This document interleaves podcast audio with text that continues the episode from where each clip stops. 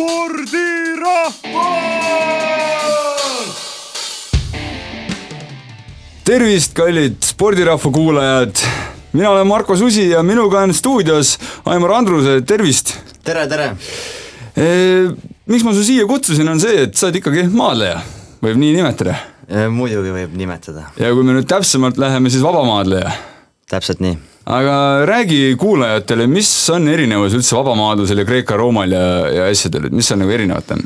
et äh, lihtsalt kokkuvõttes võtta niimoodi, et äh, vabamaadlus on terve keha, et äh, alustame kätest kuni jalgadeni. et sa võid äh, rünnata ülevalt poolt puusast ülespoole ja allapoole ehk jalguga, aga Kreeka-Rooma on puhtalt niimoodi, et sa ei tohi haardeid võtta puusast allapoole. et see on nagu kõige lihtsam seletus inimestele. Okei okay,, aga miks sina just vabamaadluse valisid? Äh, esiteks oli selline asi, et mul on perekond, suur pere on, mul on kolm õde, kaks venda ehk kuus on meid kokku. Ja kõik maadlesid. et kui ma ise olen viies laps, on ju, et mul väike õde ka veel maadleb, aga niimoodi, et kui me kolisime siia, me ise oleme pärit Vändra lähedalt Kadjaste külast ja sealt sealt me kolisime siia, kui ma olin kolmeaastane. Ja kuna kõige vanem vend Ergo äh, treenis seal juba, no seal maadles lihtsalt Kreeka-Rooma maadlust, me tulime siia, siis siin ei olnudki muud valikut, me pidime vabamaadluse peale üle minema. okay., ja kuna vanemad soovisid, et me tegeleksime ühe spordiga, sest me ei elanud Põltsamaal, me elame Tõrenurme külas, mis on kaheteist minuti sõidu kaugusel Põltsamaalt ja siis, et vanematel oleks hea, mugav korraga võtta kõik peale. et kui me tagasi pärast äh, kooli läksime, niimoodi, et me läksime kooli, siis äh, päev otsa olime koolis, siis pärast seda läksime, tulime Põltsamaale bussiga, tegime trenni ära ja õhtul seitse, noh seitse, pool kaheksa umbes saime koju, et meil olid päevad ikka pikad kõigil okei okay,, okei okay., aga kuidas sa koolitöid üldse teha jõudsid selle kõrvalt? Kui sa oled koolis, no alguses on lihtne, kui sa tuled kooli, lähed, teed oma tunnid ära, on ju, tavaliselt oli väiksemates klassides on nagu neli, viis, kuus, seitse tundi, on ju. seda, pärast seda oli pikapäevarühm. ja see lõppisidki lihtsalt, see oli nagu lisatund. sa tegid oma asjad ära, kui sa oled vanemaks, siis oli juba rütm sees. see on nagu distsipliin yeah., kogu aeg said tehtud, nii et kui õhtu õhtuks jäi sul midagi veel teha, siis sa tegid kodus seda, aga reaalsus ongi see, et läksid kooli, trenni, siis põhimõtteliselt sõid ja magama. okei okay., päris korralik. ja no. mis vanuses sa maadlust tegema hakkasid juba? Äh, lasteaias, et äh, seitsmene. okei okay., aga kui me nüüd etteruttavalt korra nüüd hüppame ettepoole, tänapäeva, siis see distsipliin, mis juba päris väiksena kaasa tuli, et see tuleb kasuks praegu, jah? väga, et ja. Eh, kui trenn, praegu ongi niimoodi, et kui mul pannakse trenn ette vastavalt eh, jõutreener või äh, matitrennid, et siis on alati. et mul oli, ma ise olen niimoodi endale mõelnud, et ma käisin Nabiga suhtlemas ja Nabi ütles, et kui sa tahad kuskile jõuda, tee oma asjad ära. iga päev ongi see, et trenn on kõige tähtsam, tee trenn ära, siis hakkad pärast oma teisi asju tegema, teiste asjadega tegelema.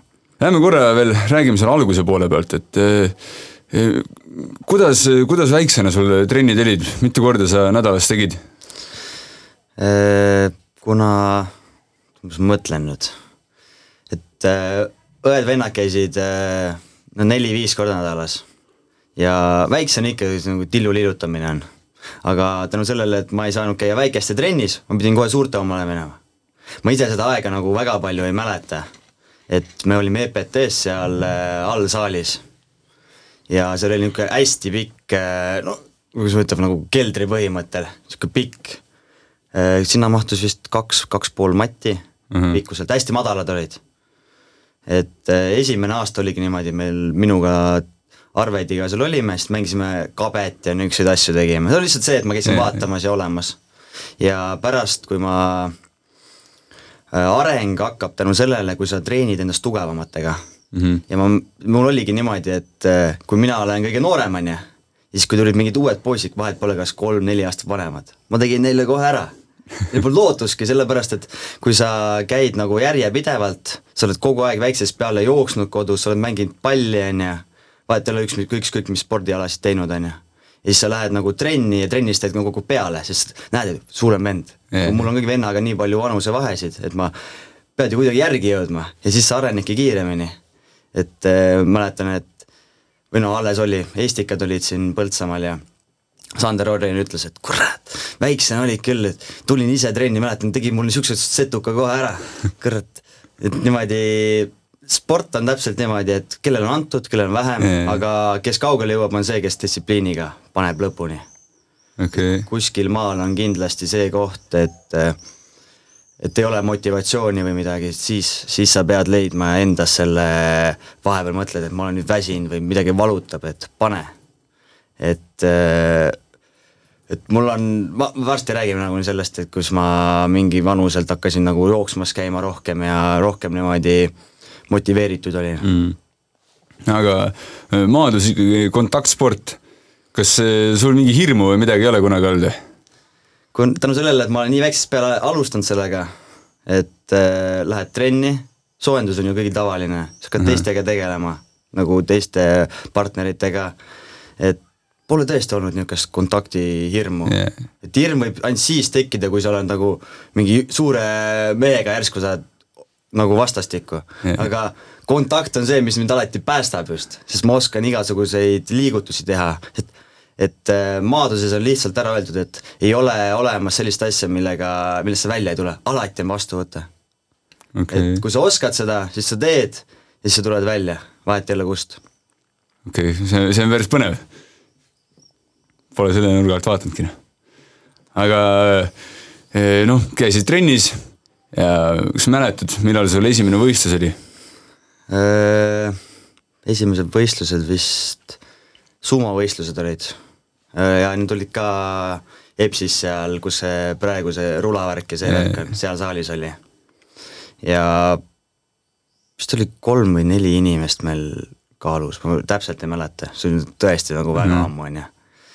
ja ühe võitsin siis teisega oli mingi matš seal, mingi niimoodi, et fifty-fifty, summas on niimoodi, et kui jääb nagu viik, siis tuleb uus matš, siis ma kaotasin, siis ma jäin seal vist kolmandaks või neljandaks, ma ei mäleta isegi. midagi seal oli, aga seal tekkis surnud ring ja no ikka seal vahepeal juhtub niisuguseid asju. et aga see ongi see, et kui sa vestled vanematega, et sa ei teagi, kuidas sul läheb alguses. Ja see, kes regulaarselt treenib, see läheb edasi, et mm et kui ma hakkan äh, võtma neid vanuseid, kui ma hakkasin vabamaadlusega nagu võistlustel käima enda vanustega, reaalselt väiksena ei olnud niisuguseid väga harva, kus sa kaotasid. Mm.. aga siis läksid välismaale, kaotasid, võitsid, on igasuguseid olukordasid olnud, pidid kaalu võtma, pidid jooksma, igasuguseid nagu mm. huvitavaid äh, äh, olukordasid, kus kohta sa pead nagu ennast äh, viima, et äh, mõtlema ümber tegema mingid otsused, et äh, kuidas nüüd teha. et äh, ma olen väiksest peale juba olnud dieedi peal, et nüüd lõpuks ma ei pea olema selle peal et mul, et see on ikka päris hea tunne. miks enam ei pea siis? ma vahetasin just kaalukategooriat, et proovida kaheksakümne kuues minna olümpiale. okei, okei, okei. et kui ma olin, no etteruttavalt nüüd, et eelmised olümpiad olid ma sinna ei, ise ei kvalifitseerunud, no kaasas ma käisin Eppmäel, et mm -hmm. treeningpartneriks, tal oli eelnevalt kaks nädalat see aja ja sellega kõigi harjuda, siis ma no ikka huvitav oli seal Jaapanis olla, on ju, aga siis, kui nemad juba võistlesid, siis ma tulin tagasi kahjuks okay., aga ise ma jäin viiendaks olümpiakvalifikatsioonile, oleks pidanud finaali jõudma.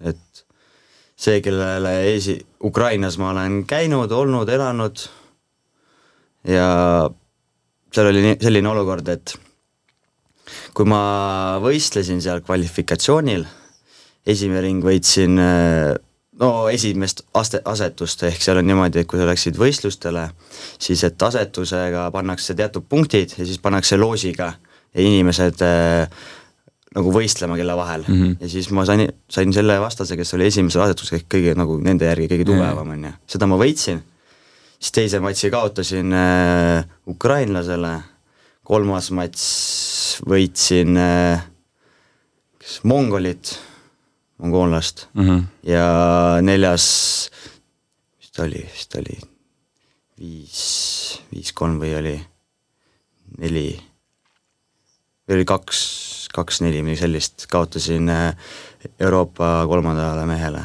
no ikka täpselt matši yeah. lõpus jälle mingi sihuke susser-vusser käis yeah.. kuidas üldse maadluses olümpiale saab veel peale selle kvalifikatsiooniturniiri? Äh, olümpiale saab maailmameistrivõistlustelt äh, teatud kohaga ja siis ongi kaks kvalifikatsiooni ja ongi kõik okay,. et okay et maadluses on ikka päris keeruliseks tehtud, varasemalt enne kaks tuhat kuusteist ja sealt ennem oli niimoodi, et äh, sai olümpiale kolmkümmend inimest, kolm, kaks inimest igasse kaalu ja kümme kaalu oli meestes uh. -huh. nii, siis olid naised, asjad tulid kõik juurde, on ju, siis võeti neid kaalukategooriaid vähemaks, sest äh, olümpial on mingi kogus, et äh, palju lubatud nagu võistlema yeah., siis võeti Kreeka-roomlaste vabamaadlusest ära neid inimesi ja pandi naiste kaalud juurde, ehk kümne asemel pandi kuus. Ja kui sai kuus kaalu, et sul võeti nagu vahepealsed kaalud ära ja siis pandi selle asemel, et eh, kolmkümmend kaks sai, sai kuusteist nüüd ainult. nii et yeah. konkurents on nagu räige, nagu see on ikka ulme. okei okay., see kõlab tõesti päris hullult, noh et varasemalt oligi niimoodi, et need, kes kunagi maadluses käisid olümpial, siis olid niimoodi, et oo nagu yeah., et maadlus on nii palju muutunud spordina okay.. aga ma räägin natuke siis lapsepõlvest veel edasi, et eh, mis huvitavat võis olla. Eh, näiteks kui ma olin lasteaias, ma olin juba nii palju arenenud võrreldes teiste poistega yeah., et eh, kunagi, mul oli ema lasteaiakasvataja samal ajal seal, ta ei lubanud mitte kunagi meil jalgpalli mängida, siis kui mina seal olin siis sa oled nii palju parem teistest, et teistel oleks mingi võrdsus või midagi sellist. alati oli mingi siukseid agasid. aga ma arvan, et see ongi mind viinud nagu noorest peast nagu kõrgemale, on see, et sa tee, treenid tugevamatega mm. -hmm. vahet ei ole, mis spordialast sa tegeled, sa pead alati tegelema tugevamatega, treenima, siis sa saad tugevamaks mm ja kui sa treenisidki kolm-neli aastat vanematega, see on väga suur vanusevahe, kui sa oled väi-, noor poiss yeah., juba lasteaiast saadik. aga mainisid seda ka, et kõik käisid ühes trennis, kogu, kogu perega, et eh, kas eh, ise tegid ka midagi veel kõrvale, et noh, peale jooksmise ja asja, mingi pallimängu või?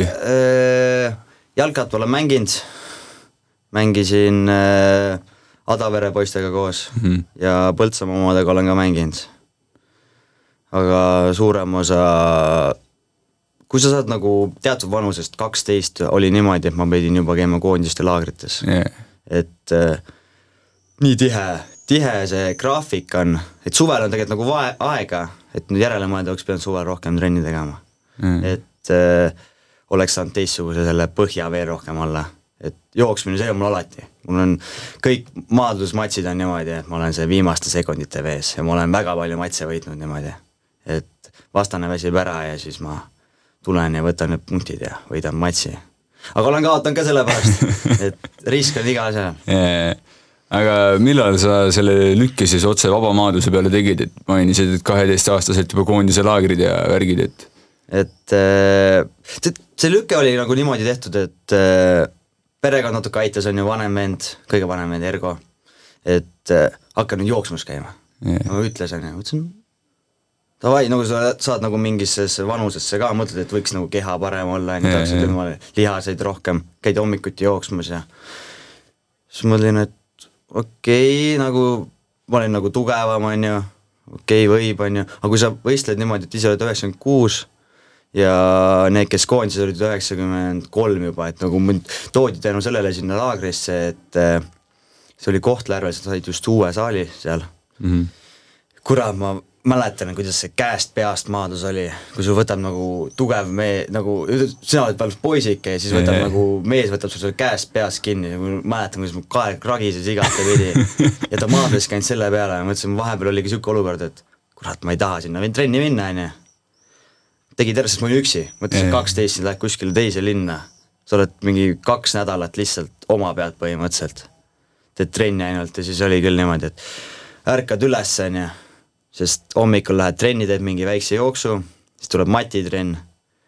siis on päeval magad, sa oled juba Mm. nii väsinud, onju õhtul veel trenni, kogu aeg sealt käest peast ainult, käest peast, käest peast, nagu lukkudes on.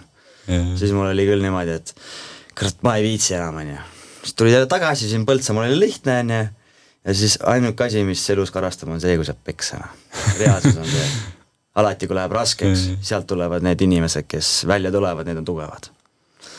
Ega pärast mul ei olnud probleemi, võtsid teda ka, aga Kaal läks ka juba nii palju suuremaks, et sest ta oli selline hästi lühike, tal oli kuidas ma ütlen, Andrei oli ta nimi, ta oli no mõtle, tavaline poiss, kes on sihuke nelikümmend kuus kilo Mhm. ja see on ikka peenikene, kui sa võtad, mõtle ennast, kui sa olid nelikümmend kuus kilo Jaa., peenike pikk poiss on ju. ja siis tuleb sul sihuke väike jässakas suurte lihastega juba sihuke vastu kellele meeldib ainult kuradi jõuvõtteid teha. siis, siis saad aru, et kurat, nüüd peab vist midagi ette võtma. et hakkad rohkem tegema, on ju. siis tulevad tulemused ja siis oligi, hakkasidki võistlustel käima, hakkasid nagu teistmoodi seda asja vaatama siis, kui oli trenn lõppes, tegid natuke peale, et, et Olli Petra oli, on maailmameister naiste maadluses mm. -hmm. ja Ahto Rask on tema treener. Ja siis ta ütleski, et kui sa tahad kuskile jõuda, sa pead lihtsalt, et see treeningu osa, see on nagu põhimõte, see on see, millest teevad kõik. aga kui tahad tugevamaks saada, siis on see, mis sa lisaks teed. et see viib sind edasi kui sa, spordis ongi see, et äh, ma olen kuulanud loenguid ja meil oli EOK toetas nagu selle, äh, olid sellised äh, motivatsiooni no ütleme jah, loengud Jaa. ja seal oli, ütles ka, et Gerd Kanteril oli treener. ja tal oli, ütles ka väga hästi, ma nimepidi, sa võid seda vaadata kuskilt, kui sa leiad, et tal oli jõutreener ja siis pärast igat võistlust nad tegid kohe jõutreeningu peale see on selle jaoks, et sa treenid rohkem, sa jõuad rohkem kilogramme tõsta, kes on tugevam, see läheb kaugemale. et kettaheitjas just nii on, et kui sa vaatad seda vinklit nüüd niipidi, kes rohkem teeb, see rohkem saab, saavutab. enne võistlust tuleb lasta kõik maha, rahustada ennast maha ja siis tuleb hästi head võistlused. aga kuidas, kuidas keha vastu peab, kui lisa, lisa teha kogu aeg? nooremana on lihtne, noor oled, sööd oma toitu ja see asi kõik taastub. hakkad tundma, kui oled kakskümmend, kurat hakkab vähe rohkem see lihas valutama, sest lihas on suurem Jaa. läheb aega taastumiseks kauem. kakskümmend neli jõuab, siis mõtled juba, kurat, ma olen vanaks jäänud, on ju, on juba massaaži asju rohkem vaja, saunas käid Jaa., et äh, vihtlemised, asjad, kõik see aitab, aga äh, praegusel puhul on niimoodi, et nädalas korra on massaaž ja mis mulle eriti veel meeldib, ma olen selle nagu endale just praegu sisse toonud, on külm vesi. Okay. et äh, mitte ainult nagu niisama külm vesi, vaid ma lähen enne trenni näiteks kolmeks minutiks jääkülma duši alla, enne trenni. et sa nagu selle varud, kus sa tekitad enda kehas šoki ja kus kohas tuleb see energia sisse sulle kehasse. et see on niisugune huvitav asi, mida ma praegu just muutsin enda kavas. okei okay., aga tuleme selle juurde hiljem tagasi, et teeme selle algusosa lõpuni. millal sul esimene noorteklassi me Eesti meistritiitel tuli? Äh, vabamaadlusest tuli Põltsamaal kaks tuhat kaheksa, ma mäletan väga hästi seda, seal oli just äh, uued reeglid tulid, et tehti kümme-null võidud, et ennem oli niimoodi, et kui sa võistlesid, oli kaks pool aega mm -hmm. ja kaks pool aega nii, et sul on kuus-null, kuus-null, mingid heited, asjad, saad punktid, on ju, aga siis tehti niimoodi, et küsiti, et kas tahad veel maadleda, siis kümme-null ja siis tuli matš läbi. kaheminutilised kaks minutit ja kaks minutit tuli kaks pool aega uh. -huh. ja siis, kui jäi üks võitis, teine võitis, tuli kolmas juurde. ja siis oli täpselt mäletan, kõik matšid olid nii kiired, laks, laks, laks ja lõpet-, lõppesid ära. siis ma tulin esimest korda vabamaadluse Eesti meistriks, sest ennem ei tohtinud ju võistelda, ma olin vanemates ka kõvasti tugevam selle ajaga juba. aga sumos, sumos ma ei- tõesti ei mäleta. Sest ma olen erinevates aladel, et ma olen sumos mm., rannamaadluses, Kreeka, Roomas ja vabamaadluses Eesti meister olnud nagu okay. aga reaalselt, kui ma nüüd ütlen, ma ei mäleta, mitmekordne ma olen aga medaleid on üle viiekümne kindlasti, okay. et see on ikka päris palju. aga sealt edasi, millal esimene noorte EM tuli? õpilasi ei olnud, kadetid olid, kadettide vanuseklassis ja see toimus Poolas. ühe matšivõidu ma sain, siis oli jälle koht, kus kohast jälle mõtled, on ju, mis sa muutma pead, mis sa tegema pead, et äh, maadlus on selline huvitav spordiala, et sulle antakse nagu üks kord aastas võimalus, et et kas ongi, selles mõttes, et EM-il üks kord ja siis MM on teine kord. et äh, noortes on, alati on, sa pead peksa saama, et sa pead midagi Jaa. aru saama, et midagi muuta tuleb, sa ei saa sama rütmiga kogu aeg panna. ja ega mul praeguseni nagu noorteklassis oli juuniorid, juuniorites oli seitsmes koht, ma mäletan. kurat, siis ma küll mõtlesin, et mida, et mul oli võimalus reaalselt medali peale saada, maadelda, et äh, ma jäin seitsmendaks ja mul oli niimoodi, et lohutusringis teine matš oli, mul oli mingi hästi lühike matš, paus oli vahel, et kolmanda koha peale, see, keda ma kaotasin, see mees sai kolmanda koha lõpus. aga noh, mis seal ikka, no enam pole midagi teha, on ju.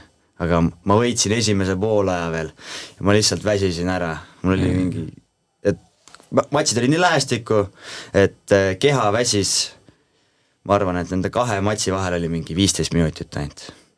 ja see on, no lühike aeg on ju aga siis, siis ma läksin veel rohkem jooksma et taastuda, aga jooksuvõhm on üks asi ja maadlusvõhm on teine asi.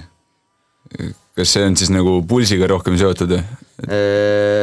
jooksmine aitab selle jaoks, et sa taastud kiiremini Okei, okei. ja maadlus, maadluses on niimoodi, et alustab matš, alguse esimesed sekundid on tavaline, on ju, siis läheb punasesse, siis on, nüüd on kolm minutit punases, siis tuleb kolmekümne sekundiks alla, siis läheb uuesti punasesse teisel poolajal ja uuesti lõpuni alla. et sul ei ole seda olukorda, et kus sa niisama lased ennast lõdvaks, alati läheb. kuidas üldse seda, seda treenida, et see punases vastu peaks? kuidas sa teed seda? et äh, põhimõte on niimoodi, alustad, mul on tänu sellele, mul on Levi Earl on äh, Soomes äh, treener, kes teeb nagu plaani, kes on nagu koondise treener meil jõu poole pealt mm. -hmm. et alustad äh, treeningutega nagu ikka, et jõu, et tu- tugevaks ennast Jaa. ja siis pärast seda on nagu tsüklid, kus sa kava, alguskava, mis on kõige suurem, on ju, et see on neli aastat, see on nagu olümpiavahe. siis paned lühik-, lühemaks on EM, MM, nagu kaks väikest tsüklit aastas ja alustadki jõud, siis tuleb niisugune kergemalt, on ju, siis tuleb nagu parandustsükkel, kus on mingid vigastused ja väga hullu ei teki, on ju, Mm. ja siis on nagu vastupidavuse kiirus tuleb lõpus. et kogu aeg niimoodi vaikselt igat asja teed, siis võistlustel tunned, et kurat, hea on olla et äh, sa pead nagu usalda protsessi, öeldakse. et äh, vahepeal see kaotus ei saa sind nagu kuskile madalaks ära lüüa, et äh, igast asjast on õppida, kui võidad, on hea, on ju, viib sind nagu vaimselt ka paremasse sellesse seisundisse, sul on nagu hea olla. aga kui sa selle lased ennast sinna madalaks ära peksta ja sa jääd sinna, siis sind, sa ei jõuagi kuskile lõpuks. et sa pead olema motiveeritud selleks. jah. aga esimese ploki lõpetuseks eh, noorteklassidest eh, veel nii palju, et eh, mis sisetunned, mis on su noorteklasside kõige parem saavutus? Noortes, mõtlen, mõtlen, mõtlen, mis ta, ega ma välismaal niimoodi ei saavutanud midagi, sumos olin Euroopa teine on ju, see oli ka meeskondlikult, aga sumo ei ole selline, ma ise ei pea seda nagu niimoodi spordialaks, niimoodi, et see nagu, see pole olümpiaala Mhm. see ei ole nagu konkurents nii suur. aga välismaa turniire võitsin päris palju, mis veel, siis ma olin ikka, nojah, mis ma võin öelda, ma arvan, need turniirid jäävadki vist praegu kõige selleks kõrgemaks punktiks, kui sa noorem oled. Venemaal on erinevaid turniire olnud, kus sa maadled. okei. Okay.. aga aga teeme siin väikse muusikapausi ja tuleme tagasi siis, kui, kui on õige aeg rääkida juba praegusest ajast. tere tulemast tagasi, spordirahvas jätkab, mina olen endiselt Marko Susi ja stuudios on endiselt Aimar Andruse. ja kui ennist rääkisime rohkem sellest nooremapoolsest ajast, siis lähme nüüd, lähme nüüd tänapäeva. alustuseks võibki kohe, et kuidas see, kuidas sinul kui profimaadlejal üks argipäev välja näeb keset hooaega? Äh, keset hooaega näeb ta selline välja, et äh, hommikul ärkan. Äh, tavaliselt ma kaks varianti, kas ma teen putru ja, või teen muna, no oleneb sellist, mis vastavalt kohe võtta on. aga mulle meeldib piimaga teha kõike. kui Okei. ma teen omletti, siis ma teen piimaga omletti, kui ma teen putru, siis ma teen ikkagi piimaga putru. ja alati on toidule lisaks on sellised no vastavalt, kui on koduvanemate või kellegi tehtud moos, mulle meeldib väga palju moosi süüa. aga pärast seda ma olen hommikust ärkan, siis nagu tunniajane vahe on sellest, et kui ma lähen trenni, vastavalt kas lähen jõusaali või lähen jooksma kuskile, et äh, nädalas on neli jõutrenni, kolmapäev on niisugune poolikum päev ja, ja laupäev on ka, et mul tuleb ikka räigelt neid trennitunde kokku aga mis kell sul päev hakkab? Äh, tavaliselt äh, kui ma olen üksi, siis ma jätan mingi üheksaks selle hommikuse trenni. Aga kui ma tahan näiteks äh, sõbraga minna trenni, kes käib enne tööd, siis ma olen vahepeal ärkanud viies ka hommikul, et minna koos temaga trenni. kuidas, palju sa siis äh, unetunde saad, kui sa viiest juba ärkad? Äh, tavaliselt äh, mingi sihuke kümme, üksteist lähed magama, on ju, heal. kui on nagu kergem olukord, siis lähed, on ju, kaksteist, tegelikult see hea ei ole enam, aga aga siis magad nüüd nagu kuus, ütleme kuus-seitse tundi, siis käid trennis ära, sööd, on ju, siis tuleb nagunii uni. mul on see kuidagi režiimis sees juba, et ma magan päeval mingi tunnikene, et rohkem ei ole hea. et siis ei tule muidu õhtulund. ja õhtu, õhtu näeb tavaliselt selline, et, et äh, kella kuuest on õhtutrenn, kaks tundi on trenn, see on matitrenn juba.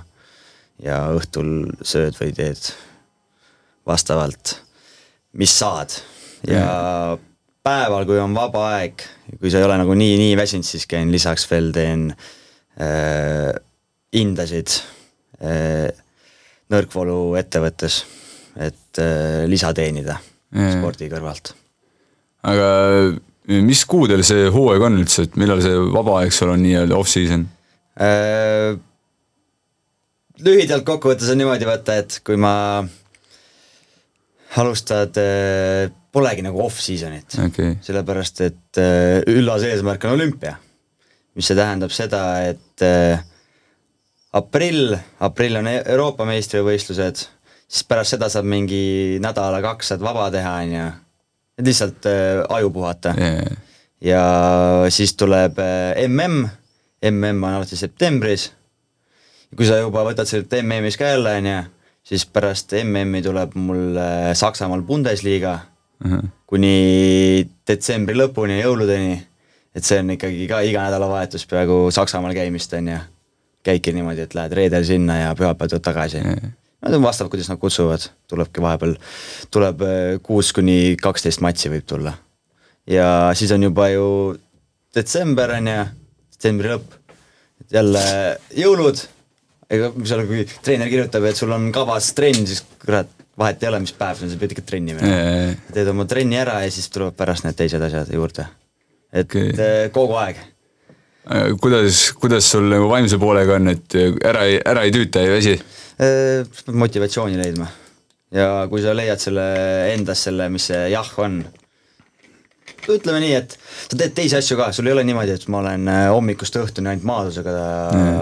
hõivatud. Et äh, kui on vaja puhkust, siis võtadki, et äh, vahepeal see paari-kolmepäevane puhkus on ka hea asi. et teed midagi muud, sest alati ei ole see, et äh, lähed välismaale, jälle saad ju lennukireisid, asjad on, need väsitavad vaim- nagu Jaa. kehaliselt ära sind, on ju. et äh, sa ei ole kogu aeg ühes rütmis, sa ei ole ainult Eestis, sa käid nagu igal pool. et äh, Aserbaidžaanis oleme laagris käinud päris palju, ennem käisime Venemaal tegelikult väga palju, sest Venemaa on ikkagi tippude tipp on ju maadluse põhimõttel. et äh, kuhu ja seal ei ole nagu nüüd nii kallis ka, et äh, võtta Euroopas on palju kallim Jaa. trenni teha kui Venemaal. et Okei. ma arvan, et see, see, et nii palju erinevates kohtades käid ja tegeled, see ei väsita nüüd nii palju ära, et vahepeal on jah, see puhkust vaja ja rahu, et mind ennast äh, aitab see, et kui ma tegelen mingite äh, mootoritega, et mul on, ma olen ise autoinsener, Tallinna Tehnikakõrgkooli lõpetanud mm, -hmm. et mulle meeldib näppu õliseks teha. ja kui on vaja kodus mingeid, mingeid riiuleid või seinasid teha, et see ka ei ole probleem, et, et kõik asjad ära, et see, see, mis viib mõtted eemale ja see on see, mis mind, kuidas ma enda patareisid laen põhimõttel Äh, on sul veel mõni hobi või, või ongi, ongi see? Äh, mulle meeldib, mis veel, no põhimõte on see autodega suurem osa Jaa. ja kui on vastavalt, kui keegi kutsub appi või midagi, siis ikka lähed. tööd, tööd peab alati tegema Mm. ja see viib mõtted eemale. aga mainisid enne, et nüüd oled kaheksakümmend kuus kaalus. mis kaalus sa enne olid? seitsekümmend neli ja eelnevalt ma võtsin kaalu, no sihuke kuus kuni kaheksa kilo, et võtsin kaheksakümne pealt ja nüüd on, nüüd on mul kaal sihuke kaheksakümmend kaheksa. no selle võtsin ma juurde, kui te ei usu, aga paari kuuga aga see, see oli niimoodi, et tegid ainult jõusaali kaks korda päevas ja sõid. ei tohtinud okay. reaalselt jalutama ka ei tahetud, ei lubatud minna, et, et kaal hoiaks ja nüüd on, kui tahad kaalust juurde võtta, siis on see number lihas tuleb kiiresti. Mhm. -huh. aga probleem on see, kuidas seda hoida. see tähendab seda, et sa pead pool aastat stabiilselt kogu aeg sööma ja hoidma seda režiimi, et sul see stabiilseks jääks okei okay., palju sa päevas sööd? kilo, kiloraažilt, ma arvan, et ta tuleb sinna neli tuhat, okay, isegi kilo juurde. päris palju. no väga palju jah, sest ma kulutan ka, et Yeah.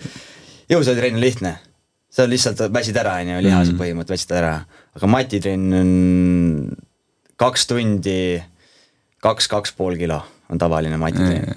et see on ikka, mõelge niimoodi, et äh, kui inimestele kaks pool liitrit lihtsalt kahe tunniga minema kehast. et see on ikka, see on ikka päris palju. see on sport see on sport jah. kuidas see kaalu võtmine iseenesest välja näeb? selgita kuulajatele. Dieet on esimene asi, et tä- äh, nüüdisajal on niimoodi, et noh, mis nüüdisajal, praegusel ajal, et et kaalumine on hommikul, see tähendab seda, et sa kaalud ära ja kohe võistled mm. -hmm. et sul on paar tundi vahet seal matsiga, aga eelnevalt oli õhtul, siis sai seda kaalu võtmist sellist äh, võtsid ära, said õhtul süüa korralikult, sõid oma mingi neli kilo juurde ja siis järgmine päev võistlesid. aga praegu nii ei saa. ja kuna keha on selline, sa pead tunnetama, kui oled väsinud, sa jälle ei jõua maadelda Jaa. kõik, kõik võtavad kaalu, kõik äh, taastuvad, kõik teevad oma, oma nippe, nagu öeldakse. aga lihtsamas põhimõttes on nii, et äh, sööd vähem, treenid rohkem. et Okei. Äh, ja dieet on see, mis äh, aitab. et kui ma eelmistel maailmameistrivõistlustel, kui ma olin seitsekümmend neli ja kaua ma võtsin, ma arvan, et äh, kuu aega võtsin nagu vaikselt kaalu ja siis lõppu jätsin siukse kaks pool kolm kilo, mis ma võtsin nagu paari nädalaga. okei, okei. aga eelnevalt viskab ta kiiresti, aga seal oligi niimoodi, et me olime Aserbaidžaanis laagris, üle ei tohtinud treenida, muidu vä- väsib keha ära, siis äh, ja dieet oli, et seal oli kellaaja vahe ka oli tund, siis õhtu sai juba kell kuu, no nende kella järgi kell seitse süüa, Eesti järgi kella kuuest, et kui õhtusöök on nii vara, nagu keha Jaa. sellega, siis ta õhtul läheb nagu räigelt tühjaks. Siis sa ei tohigi õhtul süüa ja siis hakkab vaikselt niimoodi kaal langema, aga see läheb kõigest, läheb rasva, läheb lihast ja läheb vett. okei, okei. vesi on see viimane, mis tuleks ära jätta. ma olen ekstreemseid kaaluvõtmisi ikka teinud, et nädalaga niisugune seitse kilo ja see on ikka no põhimõtteliselt tegid trenni ja kehast läheb kõik, mis võimalik, läheb välja ja ja siis need viimased ööd on nagu magamata pooleli oled. kui sul ei ole nagu nii suurt konkurentsi, aga seal on nagu, elad maade peale lähed, seal on ikka kõik noh yeah. ropendatakse, pekstakse, hammustatakse, kõike seda on, igasuguseid asju on ikkagi, igasuguseid ebaloomulikke asju, mis spordis tehakse võidu nimel. aga mis sa siis nagu lisaks trennile ja dieedile tegid ka midagi ebainimlikku selle ei, nädalaga? ei, mulle mingit näpukurku ma ei hakka panema, sihukest asja ei ole vaja, et dieet on see, mis kõige paremini, et sa pead rohkem liigutama, kui sa sisse sööd. Aga kui sa sööd õigeid asju, siis on sul nagu hea olla, et kui sul on looduslikud, rohelist looduslikku, kui sa saad korralikku liha, siis sul on nagu, sul on nagu energiat teistmoodi, aga kui sa, sa ostad neid poest neid valmis pooltooteid seal, need on jamad. see ei aita mitte kuidagi. et, et ma isegi üritan kogu aeg, kuna ma ei saa gluteeni süüa, siis mul ongi see, et ma pean, Mac on nagu kohe välistatud, on ju, et see, see ei ole minu teema. et, et kui ma lähen poodi, ma pean ikkagi lugema tagant sildi peal, mis ma söön. ja tänapäeval pannakse igale poole seda jama sisse. et kui sa tahad pitsat, siis sa pead kodus ise pitsat tegema. teedki pitsat, noh. aga kuidas sul nagu see dieet, noh, praegusel hetkel, kui sa nüüd võrdled selle ajaga, mis seal nagu erinevat on toidu poolest või on lihtsalt kogused? Kogused ja lihased nagu räigelt. Nagu reaalselt väga räigelt, et to-, toidu kogused on nagu poole suuremaks läinud ja rahakotile on ka ikka mõjub see väga palju, noh. Teed ise kõik söögid valmis, jah? tüdruksõber teeb ka, aga vastavalt, kuidas, kuidas läheb. Ja proteiini panen ikka kaheksakümmend grammi vähemalt päevas. Okei okay,, aga kas sa nagu lisad seda ainult nagu teed shake'i endale või...? pärast trenni on shake'id, jah. jaa, aga muidu lisad ka kuhugi? suurem osa ongi niimoodi, et kui sa kaheksakümmend grammi võtan, on ju, siis ei ole, lihaga pead kätte saama, toiduga, suurem osa. see on see põhi okay.. et sul ei ole nagu kreatiin, proteiin ja maltodekstriin, see on nagu selline aine, mis on äh, süsivesikute jaoks, et mm -hmm. keha oleks taastumiseks võetav. kui ta on niisugune, no põhimõtteliselt äh, mis, korn eesti keeles, mis on see? mais. mais jah, ta on maisipulber põhimõtteliselt, mis pannakse siis toidule juurde no,. mass, toidu toit lihtsalt. et kiiremini keha saaks ainet kätte. et okay. toiduna tähtis on see, et sa oled kogu aeg laetud. Nii on lihtsam kaalu võtta, kui see, et sa dieeditad mingi räigelt. sööd, aga sööd mm. nagu õiges koguses okay.. ma olen igasuguseid asju proovinud ja teinud ja et kui on vaja, siis oled saunas ja kilekatega ja ja kõige rohkem olen ma kaalu võtnud äh, Istanbulis suvel oli mingi räige palavus, kolmkümmend kraadi. või isegi rohkem, või ütleme, no vahet ei ole, kolmkümmend pluss on ju. ja ma olin kileriietega õues jooksin pekki, mäletan pool tundi jooksu, ma võtsin kaks pool kilo alla. no juba see, see oli cool jalanud pärast kuivasid mingi kolm päeva vist, liigumärjad siis ma läksin pärast nagu, no see oli täiesti laip on ju pärast seda jooksu. Ja siis pöörasid ennast ja siis nagu kileriietesse vesi liikus niimoodi sinuga kaasa. See oli jah. Palju sul nagu aega läks pärast seda, et elujõudu tagasi saada? vedelik on see, mis annab kohe yeah. ja kui sa kaalu võtad, siis tegelikult ei ole vaja tavalist vett ju, alati peab millegagi segu panema yeah. et tänapäeval ma panen elektrolüüte, joon hästi palju, et äh, oleks erinevad soolad, asjad kehas olemas yeah.. see on see, millega sa tunned ennast hästi. et paned topeltkogemused, topeltkoguseid päevas yeah,. Okay. aga kuidas sul toitumisega selle poole pealt on, et palju rämpsu sööd, noh mainisid moosi, seal ikka suhkrut päris palju et.... jaa, aga see on kodu tehtud moos, see on vähe teine, seal ei ole seda jama seal nii palju sees.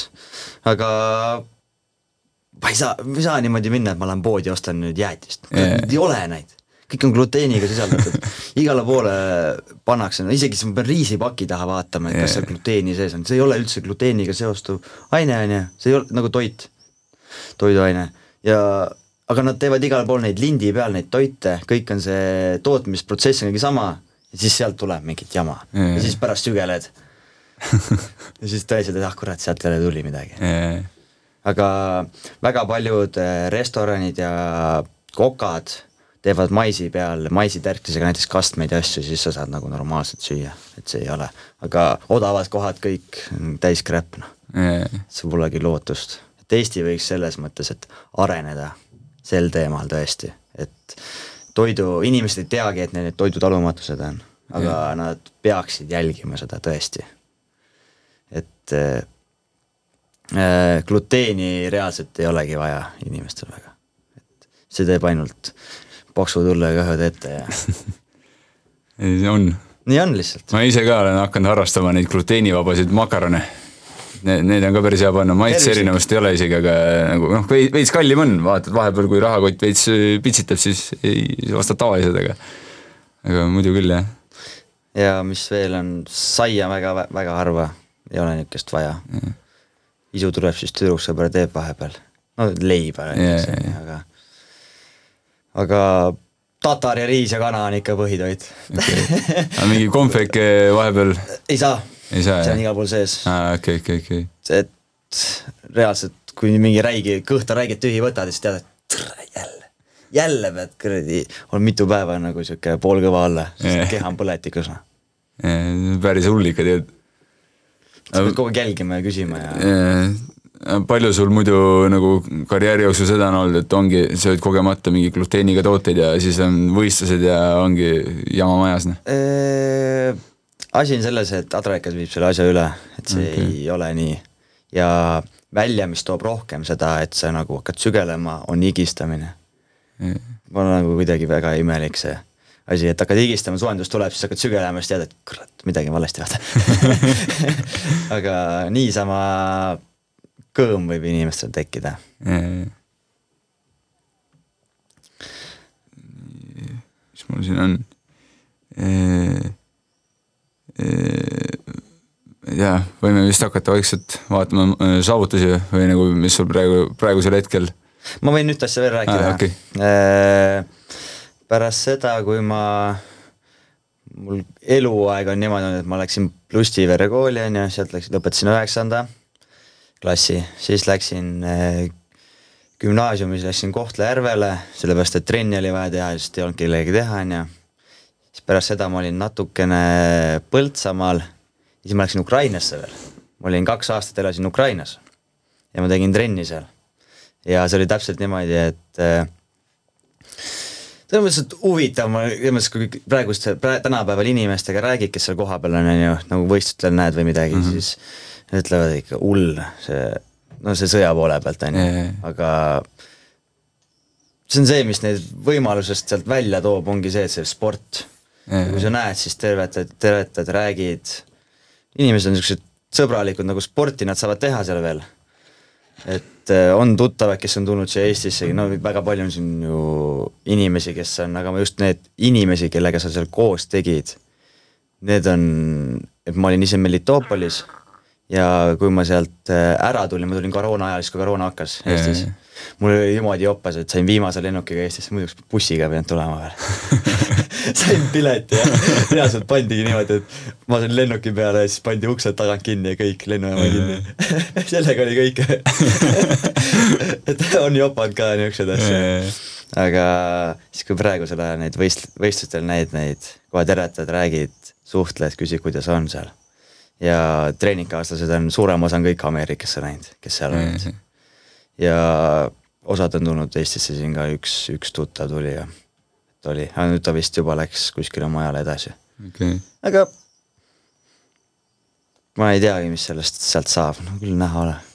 loodame, lood, loodame parimat. jah, ikka jah. ja aga kuidas sa üldse sinna Ukrainasse läksid, mis selle taga oli? Äh, tekkis võimalus ja kui tekib võimalus, tuleb haarata neist kinni, et äh, naljakas lugu võin rääkida niimoodi, et esimest korda läksingi sinna äh, Kohtla-Järve klubi president ja tema tuttav on äh, see, kelle juurde ma läksin sinna treenima. ja läheme sinna ja siis ta võttis äh, naise kaasa. ma ei osanud sel ajal vene keelt ega midagi, midagi aru ei saanud, onju. ja siis räägib, et nüüd me läheme rongi peale. lähme siis rongi peale, vaata Eestis pole ju probleemi, sõidad mingi kolm tunnikest midagi, on ju. Jaa, jaa. Lähme õhtul kell seitse rongi peale. Siis anti mulle linad kätte, ma ütlesin, mida kuradi, magama seal veel tuli välja, et rongisõit on kümme tundi. Hommikul, hommikul enne seitset tuleb naisterahvas, kes seal on selline igal vagunil on oma inimene, kes seal teed müüb ja koputab sõla peale, sa pead nüüd maha minema, vaata. Aga see, kellega ma koos olin, ta oli siis teises vagunis kuskil kaugemal. Mina olin nagu, et no okei okay, siis ma siis lähen vaata et, et sihuke, öeldakse nii, et visatakse nagu vette ja siis sealt, kui sealt välja tule, ujud välja, siis, siis oled tugevam ikkagi. Äh, nüüd vene keelt oskad? jaa, ma saan aru ja ma räägin ja ütleme nii, et sihuke kaheksakümmend prossa, et kui inimesed räägivad, ma saan kõigest aru Okei. et kui mingi spetsiifiline asi, siis on ikka muidugi, vaata eestlased ka ei saa vahepeal eestlastest aru, aga aga, aga jah, suhtlustasemel väga hästi hakkama. kaua sul Ukrainas nagu aega läks, et eh, vene keel külge jääks või, või mis keeles sa üldse suhtlesid seal? Äh, Vene keelest suurem osa alt Okei. ja no in- inglise keelt ka, osad oskavad, mõned sellised Mm. aktivistid. Aga suurem osa on kõik on vene, vene värk on, sest see on nii sarnane jaa. eh, ukraina keelega. ja seda ei ole nagu raske võtta, samamoodi me, meil on ju lihtne õppida soome keelt tegelikult jaa. et sul on nagu sihuke slängi põhimõttel eh, on soome pool eesti keelt on ju, saad aru, samamoodi on neil väga palju sarnased sõnad okei. Et äh, ükskord oligi ol- olukord, et treeningkaaslasega mõtlen, kuradi sõna, ma tahtsin tänava pealt sibulat osta. Jaa. Vene keeles on lukk, nii, eesti keeles on sibul. siis mõtlen, nagu ma mõtlen endale, ütlen nagu, et sibul, sibul, vaata. siis tuleb välja, et ukraina keeles on sibulja jälle sarnane joppas kuidagimoodi Jaa. Äh, kus sa veel eh, välismaal elanud oled või? Äh, ma olen käinud Moskvas, olen laagris olnud päris pikalt, siis äh, nagu see oligi niimoodi mingi aeg Jaa. siis äh, Kaliningradis käisime noorena hästi palju, see on seal Leedu, Jaa. Leedu taga seal poolsaared, värgid on ju, sealt läheb ülesse. Mm. Poola ja, ja need on põhikohad, siis suviti käisime Venemaal Osseetias. et see on niisugune, Dagestani Osseetia on Venemaa mekad maaduses Jaa. see on see Khabibi kant ja umbes? ja, ja see Okei. ongi, Dagestan ongi Habib Jaa. seal kõik maad lähevad, et kui sa lähed lennujaama, siis sa tavaliselt lähed lennujaama kuskil maal, näed, kõrvad, kõrvad on verd täis, on ju. Jaa. et see on maadleja, aga see on kõigil ei ole vahet, see on kõigil, vaata. sa ei saa otsida seda inimest, sest kõik, kõik on maadlejad normaalne. et enda mul on jopanud kõrvadega, väga pehmed kõrvad ei ole väga verd täis Ma vaatan ka, et ei ole, ei ole nagu lill kapsas, noh. aga mõnes kohas natuke ikka on, et peksa saanud. aga mul läheb kõrvad siniseks lihtsalt. Lähevad siniseks, siis läheb tagasi. Et on verd täis ja siis lähevad nagu, vahepeal on niimoodi, et lähevad verd täis, siis vahepeal on nagu tagasi läinud, et kaob ära lihtsalt. siis mul on hästi, hästi pehmed kõrvad. et inimesed ongi niimoodi, et mis see asi, vaata, vaata kõrva on ju, ma olen mingi maadlejaga üldse, siis ma vahepeal lasen katsuda siit ülevalt, siis tunned, et et mis tunne see nagu on, on ju, et nagu kivikõva on, aga perekonnas on kõigil niisugused pehmed kõrvad, et polegi teist väga väga täis. geenidega vedanud, noh. jah. Aga kuidas sul üldse vigastustega on olnud? Äh, on ikka olnud neid, kõige suuremad äh, vigastused, mis on olnud, on äh, alaselg ja põlved, okei okay., aga vigastus peab jälle mõtlema niimoodi, et see on mingi aeg teiste asjade treenimiseks, et mindset peab olema paigas, et mm. -hmm. mul on olnud, kus hüpekad läinud, on ju, mis siis on, mis kõige kiiremini taastab? Kui ei ole katki nagu täiesti yeah. et kui on luu katki, siis sa pead nagu seisma, on ju. aga kui on mingi sidemete probleem, kohe liikuma, kogu aeg paned vaikselt peale Jah. et äh, kogu aeg tegutsed, tegutsed ja paranemisprotsess on kaks korda kindlasti kiirem. mida rohkem okay. liigutad, seda kiiremini terveks saad, lihtsalt pead tunnetama, kui kaugele võid minna. ja pärast, kui oled saavutanud selle olukorra, kus sa oled tagasi terve, siis sa pead rohkem selle kohaga töötama tänu sellele, et see on kõige nõrgem koht. Ehk kui sul on näiteks põlvega midagi juhtunud, sa pead selle ära tervendama kuidagi mm -hmm. ja mille pärast ta katki läheb tavaliselt, sidemetel on äh, väsimus, kehas on vähe vett, on ju, siis läheb nagu katki. aga kus seda parandada, on see, et sa venitad, liigutad erinevalt, tugevdad neid kohtasid, mis vaja on, siis tavaliselt peab, peavad paremini vastu. aga on ka olnud, et saad terveks ja kohe uuesti katki mm., kurat, mida ma muutma pean, vaata mm.. Mis need äh, maadlejate tüüpvigastused on üldse? põlved, äh, õlad ja käed on niisugused. kas, kas see ongi nagu mingi õrn igastus või ongi mingi sidemed katki või, või kuidas see on? Äh, endal mul on põlvel olnud seitsekümmend viis prossa või, kõige rohkem. aga sisemised põlvesidemed olid okei okei aga on igasuguseid asju, kukutud roided, asjad igal spordil on nii mm.. tead, jalgpallis on hüpekad on ikka nii metsas kõigil yeah., põlved samamoodi. inimesed ei jooma, kus kohas see piir on, kui sa maadled eh, tippudega, siis ei teki niisuguseid vigastusi, kes vigastusi tekivad, tekitavad, on need, kes need noored hullud on. Yeah.. et need, kes jookseks peaga vastu seina, et midagi saada, on ju. Aga kui sa oled mõistusega, siis sa lased lahti, sa ei tekita, et äh, kui sa maadled äh, normaalsete inimestega, siis ei teki, ei teki vigastusi. Et äh, endal mul on tekkinud suurem osa sellepärast, et äh, sitt juhus äh,, lisaks veel mingi, ongi see, et kehas on vähe vett, siis liigestest lähevad kõik need veed ära ja siis tekivad vigastused okay. võistlustel.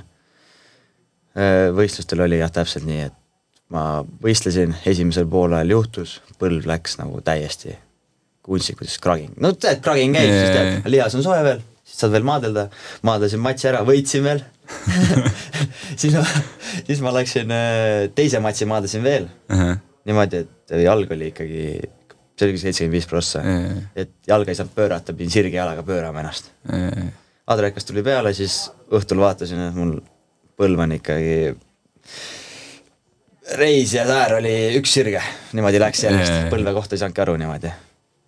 siis hakkasid lennukist tulid maha, siis helistati, et kus, mul on vaja kiiresti arstile saada, vaata, mis pull on siis jala liikuma saamine võttis lennukis niimoodi, hakkasid vaikselt liigutama nagu, nagu kinni jäänud polti edasi-tagasi hakkad vaikselt.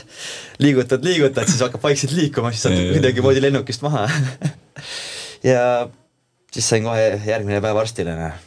nii nagu tegelikult tänapäeva meditsiin peaks olema mm. -hmm. siis vaadati üle, öeldi, et neli kuud või tehakse op, siis opiga on aasta läinud. Ütlesin, et las ta olla valu pealt ja nii edasi, on ju, sest öeldigi, et see valu võib olla, aga opi pole mõtet teha. siis mõtlesin, et loomulikult kõige parem ära kunagi noa alla mine mm, kui on võimalus mingi muu moodi parandada ennast, alati ilma. ja siis oli küll sisemine, kogu aeg tegid harjutusi, harjutusi, harjutusi tundsid jumala hea, võid joosta kõike teha, aga kui väike toetus tuli sissepoole hüpek või sealt, no vahet pole, põlvest või sidemest liikus, siis oli ikkagi terav valu sisse, siis teadsid juba, et oh, oh rahu andma.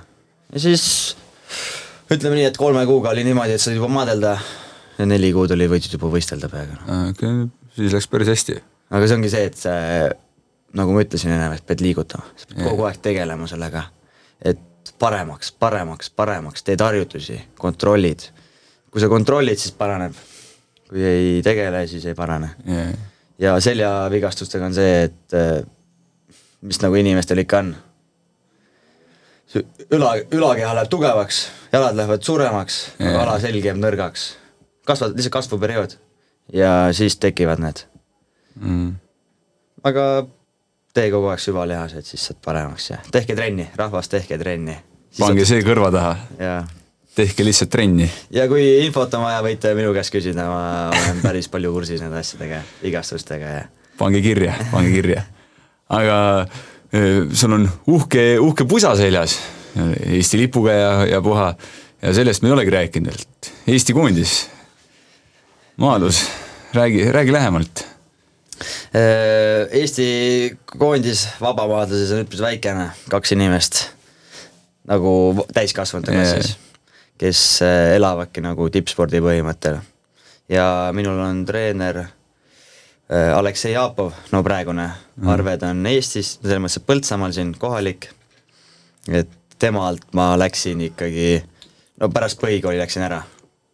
aga ja siis pärast seda ma olen ikka olnud igal pool natukene, on ju, aga praegu olen tagasi Eestis ja Aapo peal mm. -hmm. et äh, äh, Erik Reinbokiga teen trenni suurema osa ajast ja lihtsalt ei olegi kedagi Jaa. ma ei saagi midagi teha. Et, äh, peab olema kontaktspordiala, nagu sa ütlesid ennem, see tähendab seda, et sul on vaja kellegagi koos trenni teha Yeah.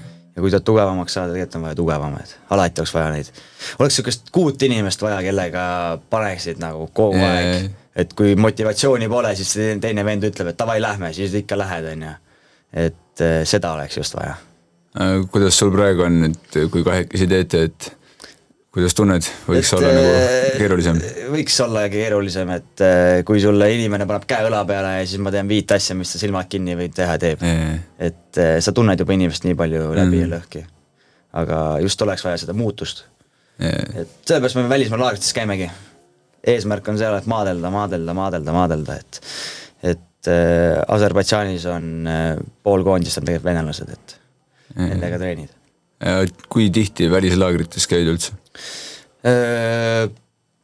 Oleneb, kui, mis selles hooaja tsüklis sa oled, et kui mida võistlustele lähemal lõpus, seda rohkem, et me tegelikult pidime järgmine, noh nüüd järgmine kuu on ju, tuleb kaks võistlust, taht-, tahtsime sinna vahele laagrit, vahepeal lihtsalt ei, ei lähe nii nagu peab, on ju. Siis me oleme Eestis ja siis august on täiesti ainult välismaal. Okei. sujuvalt, sujuvalt välismaal, polegi Eestis põhimõtteliselt, võistled ära ja siis on nagu MM-iks valmistud, et tunne peab hea olema ja mida rohkem maadled, seda paremaks läheb. okei okay., ja millal eh, või millal see järgmine mm on? järgmine MM on septembris, okei okay. see Serbias ja seal on, kus antakse pääsmed mm -hmm. olümpiale.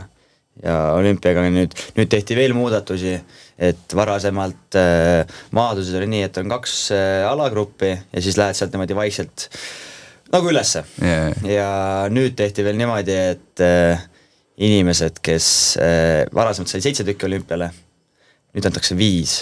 see tähendab seda, et kes saab kolmanda koha, varasemalt maadlesid äh, kolmanda kohale, kaotasid, võitsid, said olümpiale mm. -hmm. nüüd see, kes kaotab, see peab veel maadlema teise poole oma kaotajaga, kui tahab olümpiale saada Jaa. et äh, et ma nagu huvitav, miks sa niisuguse süsteemi tegid, et rohkem vist niisugune huvitavam oleks see maadlus Jaa.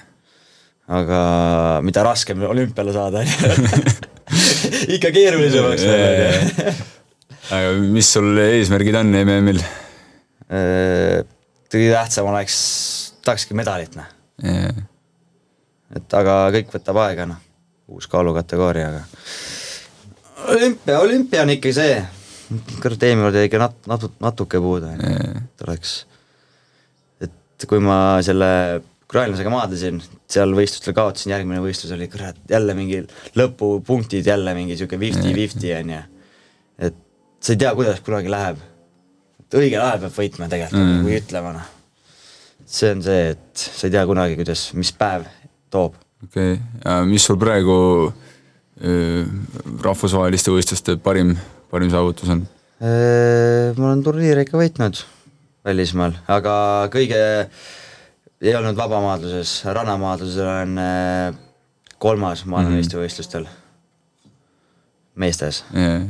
Äh, ja MM-i kolmeteistkümnes vabamaadluses, okay., kolmekümne viie, viiest mehest, päris kõva ju. no ikka. Aga mis see rannamaadlus, kuidas see erineb vabamaadlusest? Äh, ongi teatud reeglid ja põhi ongi see, et rannas liiva peal, et äh, selles mõttes olema tehnilisem, sul ei saa olla kiirust, sest sul ei ole stardipositsiooni jalgliselt libiseda Mm. aga see pole olümpiaala, jälle Jaa. teine asi on ju. aga kus on olümpiaala, siis sinna hakatakse lihtsalt raha panema, noh. Yeah. on iga spordialaga nii. Kus on, olümpiaaladel on rohkem raha, kui on tava nendel Yeah. teistel aladel. võiks olla loogiline ka jah. aga oleme vaikselt juba lõppu jõudnud kuidagi kogemata kiiresti. aga jah, olümpiale siis. ikka, aitäh! okei okay,, aga ootame siis, vaatame.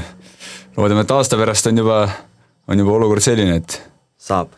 et, et on. Aga ütleme aitäh teile ja nägemist, mina olen Marko Susi ja stuudios oli teiega Aimar Andruse, aitäh! nägemist ja olge tublid, tehke trenni!